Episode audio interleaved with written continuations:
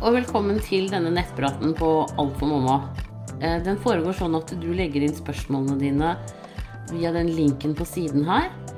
eh, Inne på Facebooken. Og så, eller på, så ligger den på toppen på Alt for mamma.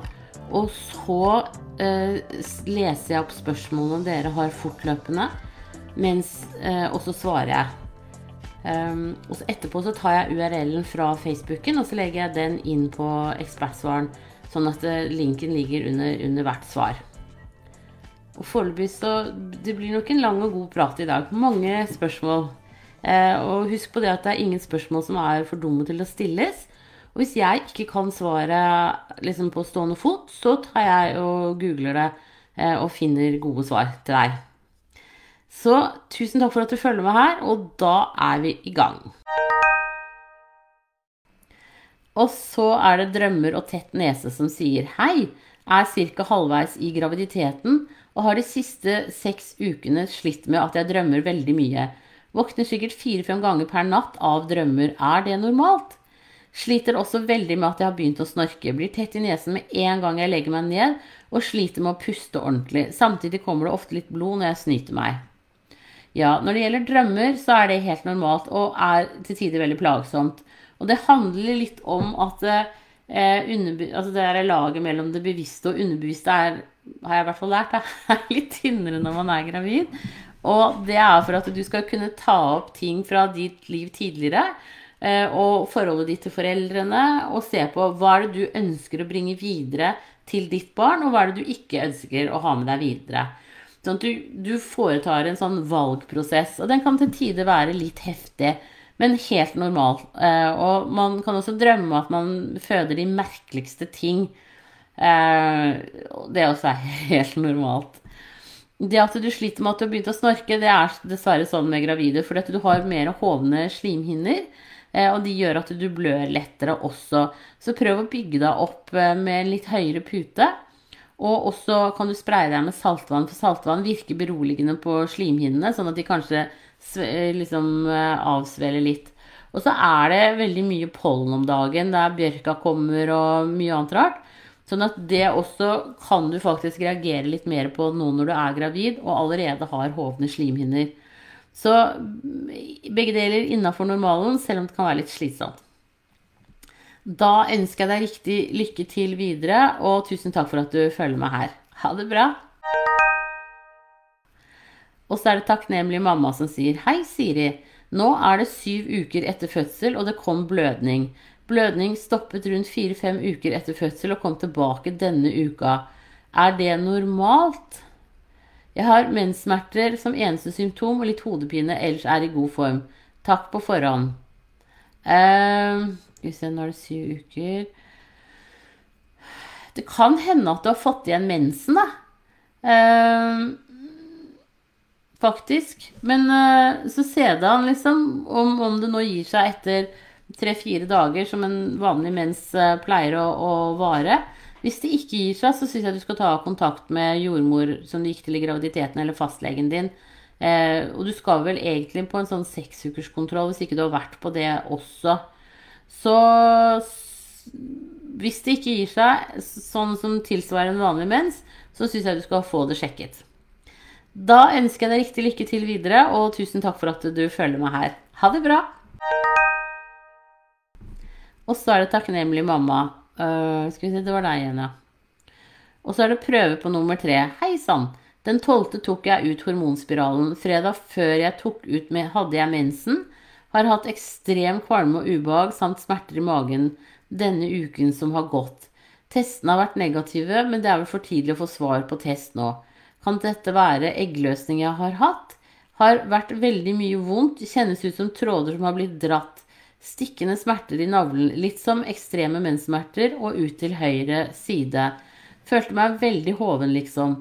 Har vært smålig vondt å ha sex, har ikke kunnet hatt dyp penetrering, for det har vært så ømt inni meg.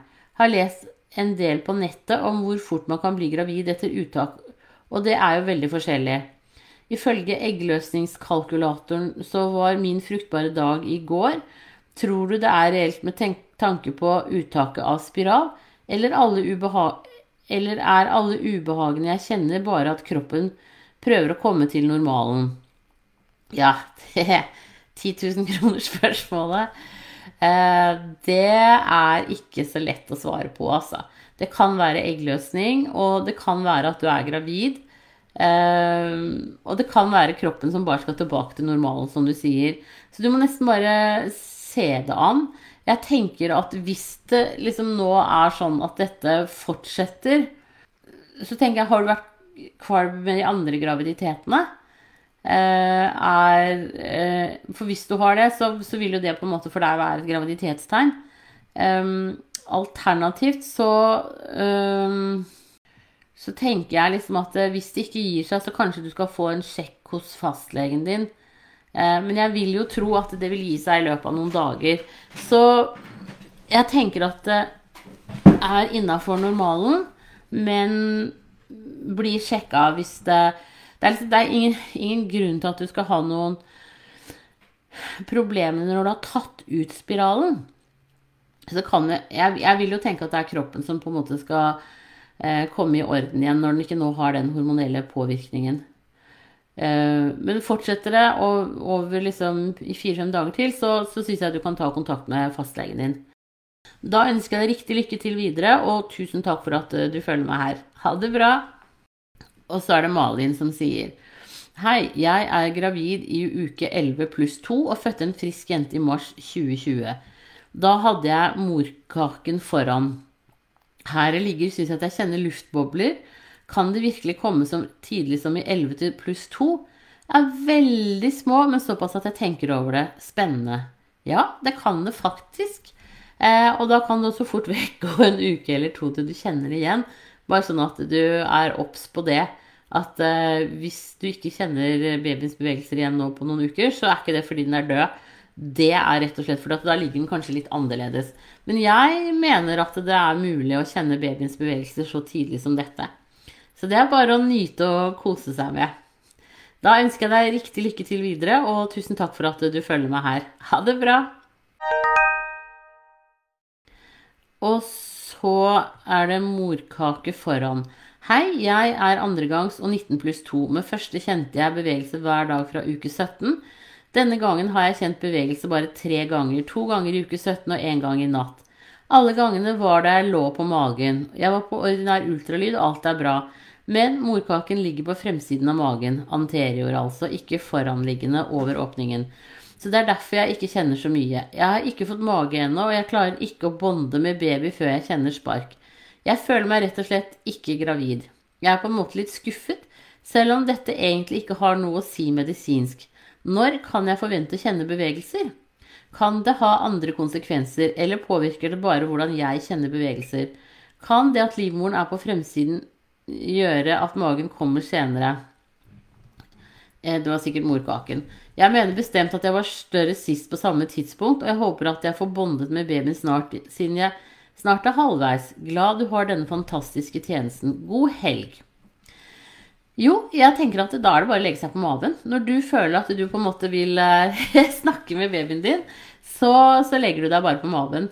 Eh, og så vil det bli bedre etter hvert som eh, livmoren vokser nå. For som oftest så det er sånn at liksom morkaka fester seg på et spesielt sted. og så Når livmoren vokser, så følger den oppover. og Dermed så kan du kjenne bevegelse under eller også på sidene. Så, så, i løpet av en måneds tid nå så vil du på en måte kunne kjenne bevegelse mye enklere. Men jeg tenker at siden du sier at du har kjent det når du ligger på maven, så legg deg for all del på maven. Det kan ikke gå noe galt med babyen, og det er deg det blir ubehagelig for først. Eh, og så er det Jeg har ikke noen forklaring på hvorfor det syntes bedre eh, første gangen at du var gravid. Eh, det kan hende at du denne gangen på en måte Altså første gang så liksom er man så veldig stolt og vil gjerne vise til hele verden at denne gangen så er du kanskje ikke på den samme eh, greia. Ofte så er man jo mye mer sliten når man har et barn fra før av. Og, og, liksom graviditeten kommer litt i andre rekke. Um, så jeg tenker at det kan være flere andre sånne faktorer. Men begynn for all del å prate med Nurki i maven, og, og legge deg litt på maven når du trenger et spark. Det tenker jeg det er en kjempegrei ting å gjøre. Da ønsker jeg deg riktig lykke til videre, og tusen takk for at du følger meg her. Ha det bra! Og så er det Helene som sier Hei, tusen takk for nyttig tjeneste. Bare hyggelig. Jeg har et spørsmål i forbindelse med at jeg prøver å bli gravid med nummer to. Med førstemann måtte jeg få progesteronstøtte for å bli gravid. På det tidspunktet hadde jeg veldig kort lutealfase på fem til syv dager. Legen mente det var umulig, og at jeg tok feil. Derfor fikk jeg ikke henvisning til gynekolog før det hadde gått over ett år. Den første gynekologen hadde heller ikke hørt om problemet. Det var veldig rart, da. Men jeg fant til slutt en gynekolog som kunne hjelpe oss med defekt lutealfase. Jeg ble gravid nesten med en gang ved å ta progesteron etter eggløsning. Nå ser syklusen min mye bedre ut. Jeg har en lutealfase på 11-12 dager. Men jeg spotter ofte et par dager før og etter mensen. Jeg har allikevel et håp om å bli naturlig gravid. Fordi jeg har hørt at det er mulig selv om lutealfasen er på ti dager. Samtidig kan det sikkert ta lengre tid, og risikoen for SA er vel høyere med lavt progesteron. Mitt spørsmål er, kan jeg gjøre noe selv for å øke progesteronnivået? Jeg vil så gjerne føle at kroppen fungerer. Målet er ikke bare å bli gravid, men også komme i hormonbalanse, fordi jeg har noen symptomer som kanskje kan være relatert til lavt progesteron. Ømme bryster, søvnvansker, vektoppgang og migrene. Ja, Eh, det som fins, er jo sånn progesteronkrem. Eh, som du kan smøre på tynn hud. Dvs. Si sånn den huden vi har eh, her og under brystene og, og sånn forskjellig. og den kan du også få på sånn reseptfritak. det var en krem som han Leif Ims laget. og han har skrevet en artikkel som ligger inne på Alt for mamma inne på nettsiden her. Eh, den er gammel, men jeg tror den gjelder ganske bra fortsatt. Eh, som handler om progesteron og, og, hva slags ubalanse det gir i kroppen. Så fins det jo også flere eh, natur... Altså homopater og sånn som jobber med dette her. Blant annet Anette Heggemsnes på Frøya-klinikken. Det går an å ta kontakt med henne. For, for det fins ofte flere veier til rom. og Eh, den tradisjonelle skolemedisinen har sine metoder, men jeg har også stor tro på alternativ medisin som et tilskudd. Så jeg tenker at sånn som du beskriver det nå, hvor du ikke på en måte har dårlig tid, da, eh, så, så kan du prøve andre ting. Så sjekk den artikkelen til Leif Ims. Og så har jeg vel laget en pod med Anette også. Eh, en av de tidligste podene vi laget, var om det å, å bli gravid. Og, og, alternativt ta kontakt med henne. Hun har eh, både Facebook og nettside, mener jeg. Så øh, det finnes helt klart øh, andre gode metoder. Eh, og, og, sånn som du sier, du har ømme bryster, søvnvansker, vektoppgang og migrene. Det å få en, en, større orden på det på ren sånn generell basis, også når du ikke er gravid, kan jo være veldig greit. Så eh, prøv eh, dette. Så jeg ønsker deg riktig lykke til videre. Og tusen takk for at du følger meg her. Ha det bra! Og så er det 35 pluss 2 andregangs. Hei! 35 pluss 2 andregangs. Mye kynner ved aktivitet. Hvordan blir jeg å kjenne forskjell på kynnere og rier når den tid kommer? Tar man tiden mellom riene fra slutten på en til starten på neste? Er det for sent å ta 3D ultralyd? Lekker til tross for x antall knipeøvelser daglig. Tips! Ønsker deg en flott lørdag. Takk for det. Eh, kynnere er eh, uregelmessige. Eh, og de drar som regel liksom rundt maven. Mens rier de begynner oppunder eh, nyrene bak, og så drar de liksom nedover og presser mye mer nedover. Men den der overgangen mellom kynnere og rier den kan være kjempevanskelig. Så jeg tenker uh, rier er Det at de er regelmessige, er en veldig sånn um, uh, Et kjennetegn, da. Og det kan være liksom typ to og tre minutter imellom. Men, men det er liksom distinkt. Uh, og så Dere som stiller meg spørsmål, du må stille det inne på altformamma.no. Der er det åpent frem til klokka tolv. Jeg kan ikke svare på Facebook. Det var en digresjon. Eh, sånn at det, du, du timer en riv fra den begynner til den neste begynner. Eh, og så tar du tiden på hvor lenge den varer. Eh, så typ eh, gode rier, det vil være at det er to eller tre minutter imellom, altså at de varer opp mot minuttet. Men i begynnelsen så varer riene ofte 10-15 sekunder. Veldig, veldig sjelden at man liksom begynner smakk på ett minutts rier med tre minutter imellom. Det har jeg nesten ikke hørt om. Eh, så, så jeg, jeg, tenker at eh,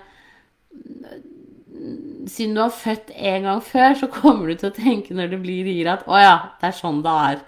Eh, at man liksom, du får en sånn aha-gjenkjennelsesopplevelse. Men som sagt, er du i tvil, så bare ringer du sykehuset og snakker med dem. Og jeg tror det er for sent å ta 3D-ultralyd. Eh, hodet er jo ofte langt nede i bekkenet nå, og man får liksom ikke noen gode bilder. Men du kan selvfølgelig ta kontakt med de som gjør det, og spørre om det har noe for seg. Men jeg vil tro at det er for seint.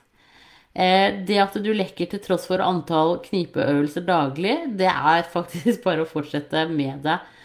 Eh, du kan også prøve vaginalkuler etter hvert, eh, men kanskje etter fødselen. Du kan selvfølgelig prøve noe, men jeg vil tro at det er litt trangt. Eh, men for å hjelpe deg å trene. Og hvis ikke det hjelper, så kan du gå til fastlegen din og få på resept en sånn elektrisk stimulator som Åh, nå står det helt pips stille hvem det er som har det. Ja, men det finner du på nettet.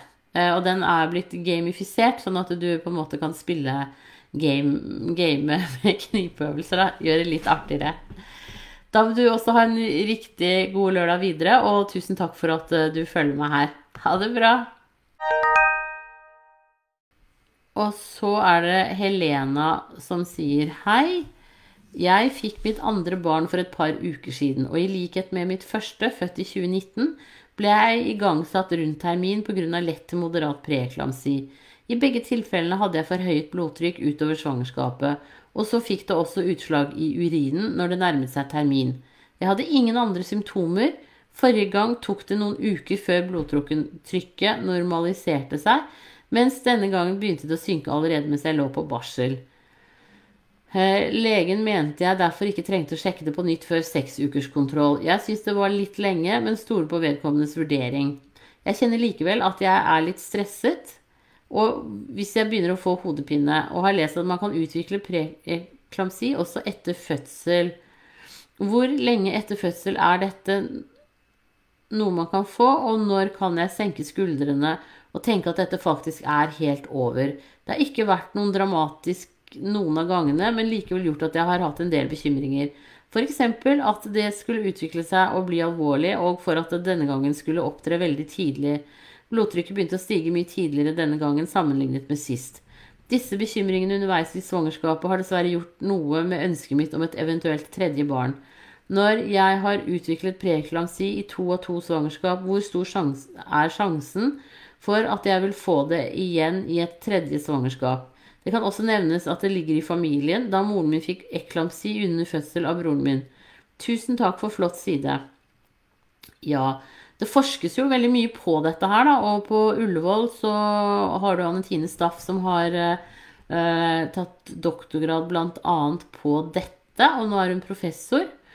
Eh, og eh, jeg vil jo tro at du med den historikken du har, og familiehistorikken, så er du nok mer utsatt.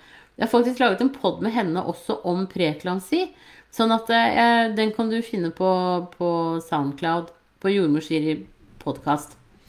Eh, jeg tror at nå når det er to uker over, men jeg skal sjekke det, så eh, er du ikke um, Altså to uker etter at du fødte, så tror jeg ikke du kan få preklamsi lenger.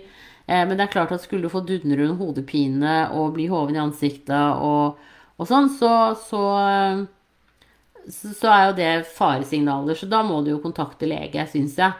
Selv om fastlegen mener at seks uker er helt greit. Det du kan gjøre eventuelt, da, Eh, det er jo å, å kjøpe deg et blodtrykksapparat, og så kan du sjekke sjøl. Et elektronisk blodtrykksapparat. For du og moren din er jo også utsatt for å få høyt blodtrykk senere i livet. Så det å sjekke blodtrykket litt med jevne mellomrom, det skader jo ikke. Og hvis det på en måte kan få skuldrene dine ned, så, så er jo det enda bedre. Jeg tror ikke det koster all fredens heller. Uh, For det som er med blodtrykk senere i livet, det er jo at det kan stige snikende. Og så merker man det ikke for at kroppen tilpasser seg, og så plutselig så har du et høyt blodtrykk, og så kan man eh, få problemer med slag og sånn i forhold til det. Så alle som har hatt preeklamsi, bør faktisk sjekke blodtrykket med jevne mellomrom. Men da snakker vi sånn typ en gang i året eller noe, altså. så du kan fortsatt bare gjøre det hos fastlegen. Men jeg tenker istedenfor å liksom være stressa nå, da, så, så, kan du gjøre det. Og det som kunne vært interessant, var jo da også sett hvordan liksom blodtrykket ditt forholder seg over et år. At du eventuelt eh, sikkert en annen app hvor du kan registrere det. Og så da har du det som en sånn basis hvis du skulle bli gravid igjen. For da vil du kunne se liksom når er det Og da kan du også følge med på blodtrykket hjemme. Og da kan du se eh, når du eventuelt begynner å stige. Og så vil det jo være aktuelt å rett og slett gi deg blodtrykkssenkende medisiner hvis du stiger tidlig i en ny graviditet. Det er ikke, det er ikke verre enn det. Eh, og det er faktisk det er også veldig effektivt. Så jeg tenker at eh, sånn i utgangspunktet, siden du ikke har hatt eklamsi, så er jo det en, en, ting å vurdere. Men det kan du snakke med fastlegen din om. Uh, men det er i hvert fall sånn jeg tenker, da. da ønsker jeg deg riktig, riktig lykke til videre, og tusen takk for at du følger med her. Ha det bra! Og så er det mamma til tre snart. Hei! Jeg er i uke 32 pluss 2. Hadde et fall i går der jeg slo meg på rumpa. Har enten bristet eller knekt halebein. Åh, det er vondt det har gjort. Klarer ikke å sitte behagelig på rumpa, så snur meg til side og side. Alt bra på sjekk av baby som ligger til hodeleie. Men i to dager har jeg fått en pulserende smerte i venstre lysk. Varer i bare noen sekunder, men kommer og går. Hva er det for noe? Jeg har også kynnere hver eneste kveld. Noen er skikkelig vonde også jeg tenker at er den pulserende smerten er en nerve som ligger i klem. Eh, og så kan du også gå til eh, kiropraktor eller kanskje en osteopat, er tingen. Eh, osteopater som er utdannet i Sverige, vet faktisk hvordan de kan legge på plass et haleben. fordi at nå vil det antageligvis ligge litt skeivt. Det kan være en investering i forhold til selve fødselen. Så osteopat er nok mitt beste råd til deg hvis du har mulighet for det. Det, det tenker jeg er lurt. Og vil jo på en måte Når du nærmer deg fødsel, så går jo hele bekkenet litt All brusken og sånn går litt i oppløsning. Sånn at det vil hjelpe noe.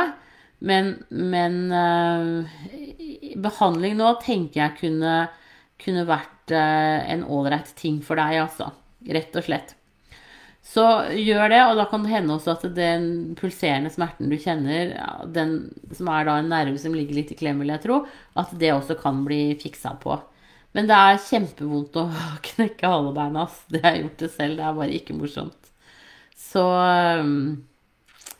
ja, det tar bare den tiden det tar. Da ønsker jeg deg riktig lykke til videre, og tusen takk for at du følger meg her. Ha det bra! Og så er det småbekymret mamma som sier Hei, Siri. Jeg har et par, par spørsmål som jeg håper du kan hjelpe meg med. 1. I uke 21 var jeg til fysioterapi. Det ble brukt kraftig massasjeapparat, også helt nederst på ryggen. Kan dette være skadelig for morkake eller foster? Kan det gi hodeskader eller lignende på fosteret med slike vibrasjoner så tett på?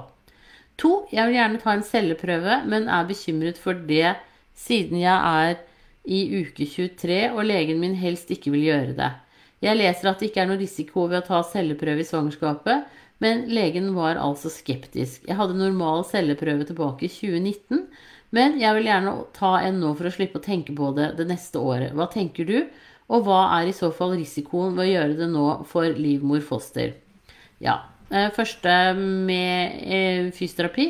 Det er ikke skadelig, kan ikke skade fosteret ditt i det hele tatt. Så det er ikke noe å være noe bekymret for. Når det gjelder celleprøve, så har jeg lært at de på en måte eh, er ikke er ikke så lurt å ta det når du er gravid, for du har allerede en økt cellevekst, og du blør lettere og sånn. Det har ingenting å si i forhold til selve graviditeten, men, men, det har noe å si i forhold til prøvesvaret, at det på en måte ikke blir så valid, da. Så eh, der tenker jeg at det kan du få gjort på, på seksukerskontrollen etter fødselen. Eh, da er det ikke noe problem å, å gjøre det i det hele tatt. Så det tenker jeg er lurt for å bare vente, eh, rett og slett. Og siden du tok det så seint som i 2019, så er det jo perfekt. Det, det er ikke noe å stresse noe med akkurat nå. Da ønsker jeg deg riktig lykke til videre, og tusen takk for at uh, du følger meg her. Ha det bra! Og så er det Redd som sier Hei, Siri. Jeg har mistet to babyer i uke 10 og uke 12 i fjor. På våren i fjor hadde jeg en svært forhøyet anti-TPO. Jeg har også tidligere hatt postpartum tyreoiditt. Og jeg tror det er årsaken til at vi ikke ble gravide, da vi hadde forsøkt en god stund, to år uten resultat. Men så ble jeg plutselig spontant gravid kort tid etter at jeg hadde fått sjekket at alt var normalt hos gynekologen senere i fjor vår. Men graviditeten og neste endte i spontanaborter, e- eller egentlig mist abortions. Etter spontanabort nummer to tok de prøve på sykehuset, og anti-TPO hadde sunket til godt under normalt nivå. Nå er jeg uke tolv igjen, og jeg glemte å fortelle gynekologen på sykehuset hva anti-TPO var i fjor. Men den var jo normal, som sagt, i november 2020. Men jeg ble så redd i går kveld og i natt og i dag for at den forhøyede anti-TPO-en i fjor var årsak til spontanabortene. Og så blir jeg redd for at den har steget igjen uten at jeg vet det og får sjekket det nå. Jeg leser mest på forskningssider og leser bl.a. at det bør være lavterskel for gravide som tidligere har hatt stoffskifteproblemer, og ta stoffskifteprøver tidlig i svangerskapet. Det har jeg ikke gjort denne gangen. Måling av TSH, fritt T4 og anti-TPO ved første svangerskapskontroll bør gjøres med lav terskel og anbefales hos kvinner med følgende tidligere postpartum tyreoditt, kjente forhøyde tyreodeantistoff. I fjor gjorde jeg det og fikk målt stoffskifteprøvene foruten at anti-TPO vel ikke ble målt, men på eget initiativ. Fastlegen tok ikke ansvar for dette. Vet ikke om de kjenner til det. Føler noen ganger at jeg må ta mye ansvar på egen hånd. Nå som det er helg, får jeg jo ikke tatt prøver. Jeg vet ikke om jeg klarer å roe meg ned akkurat nå. For som du sikkert forstår, så preger de to babyene jeg har, mistet meg. Tenk om nivåene har steget nå, og det skjer noe med dette barnet også. Eller skal jeg bare roe meg ned og tenke at det går bra, og så kontakte gynekologen på sykehuset til mandag og fortelle om alle tankene mine? Det er i alle fall lavterskel for å ta kontakt der nå, på bakgrunn av tidligere historie. Alt så bra ut på ultralyd på torsdag som var, men babyen jeg mistet før jul, hadde heller ingen skader. De forsto ikke hvorfor jeg mistet. Måtte bare tømme ut alle de redde tankene for noen. Ja, det skjønner jeg godt. Og det er helt riktig som du sier, at uh, ubalanse i stoffskiftet det gir en større fare for abort. Så jeg tenker Men den er ikke sånn der uh, fra den ene dagen til den andre. Så jeg tenker at du har jo hatt normale verdier, og det er positivt. Men ring til gynekologen på sykehuset på mandag og fortell at uh, fastlegen din ikke vil ta stoffskifteprøver av deg. Og det er viktig når du får tatt det, at, at uh, uh, du ligger godt innafor normalen, og at de medisinerer deg uh, sånn at du blir liggende godt innafor. Så ring gynekologen på, på, mandag, og så får du, får du sjekket deg der da. Og tatt de prøvene. Det tenker jeg er kjempegreit. Og det er dessverre sånn at det er en del fastleger som ikke kjenner til dette her. Eh, jeg trodde det hadde blitt bedre enn som så, men tydeligvis noen som ikke vet om det. Eh, at det der kan være årsak til abort, og det kan, eh, bør derfor følges opp tett. Så det tenker jeg er lurt. Så ring dem på mandag og få sjekket og få tatt prøver på mandag eller tirsdag eller noe. Så, så går dette her helt fint. Eh, og du skal vel også nøkternt sett muligens følges opp ekstra på sykehuset. Men det kan du avtale med dem med om du skal på en eller to ekstra ultralyder i løpet av graviditeten. Da ønsker jeg deg riktig lykke til videre, og tusen takk for at du følger meg her. Ha det bra! Da var det dagens siste spørsmål. Og eh, nå har vi holdt på lenge, eh, men jeg avslutter nå. Da ønsker jeg dere også en riktig god dag videre, og tusen takk for at dere følger meg her.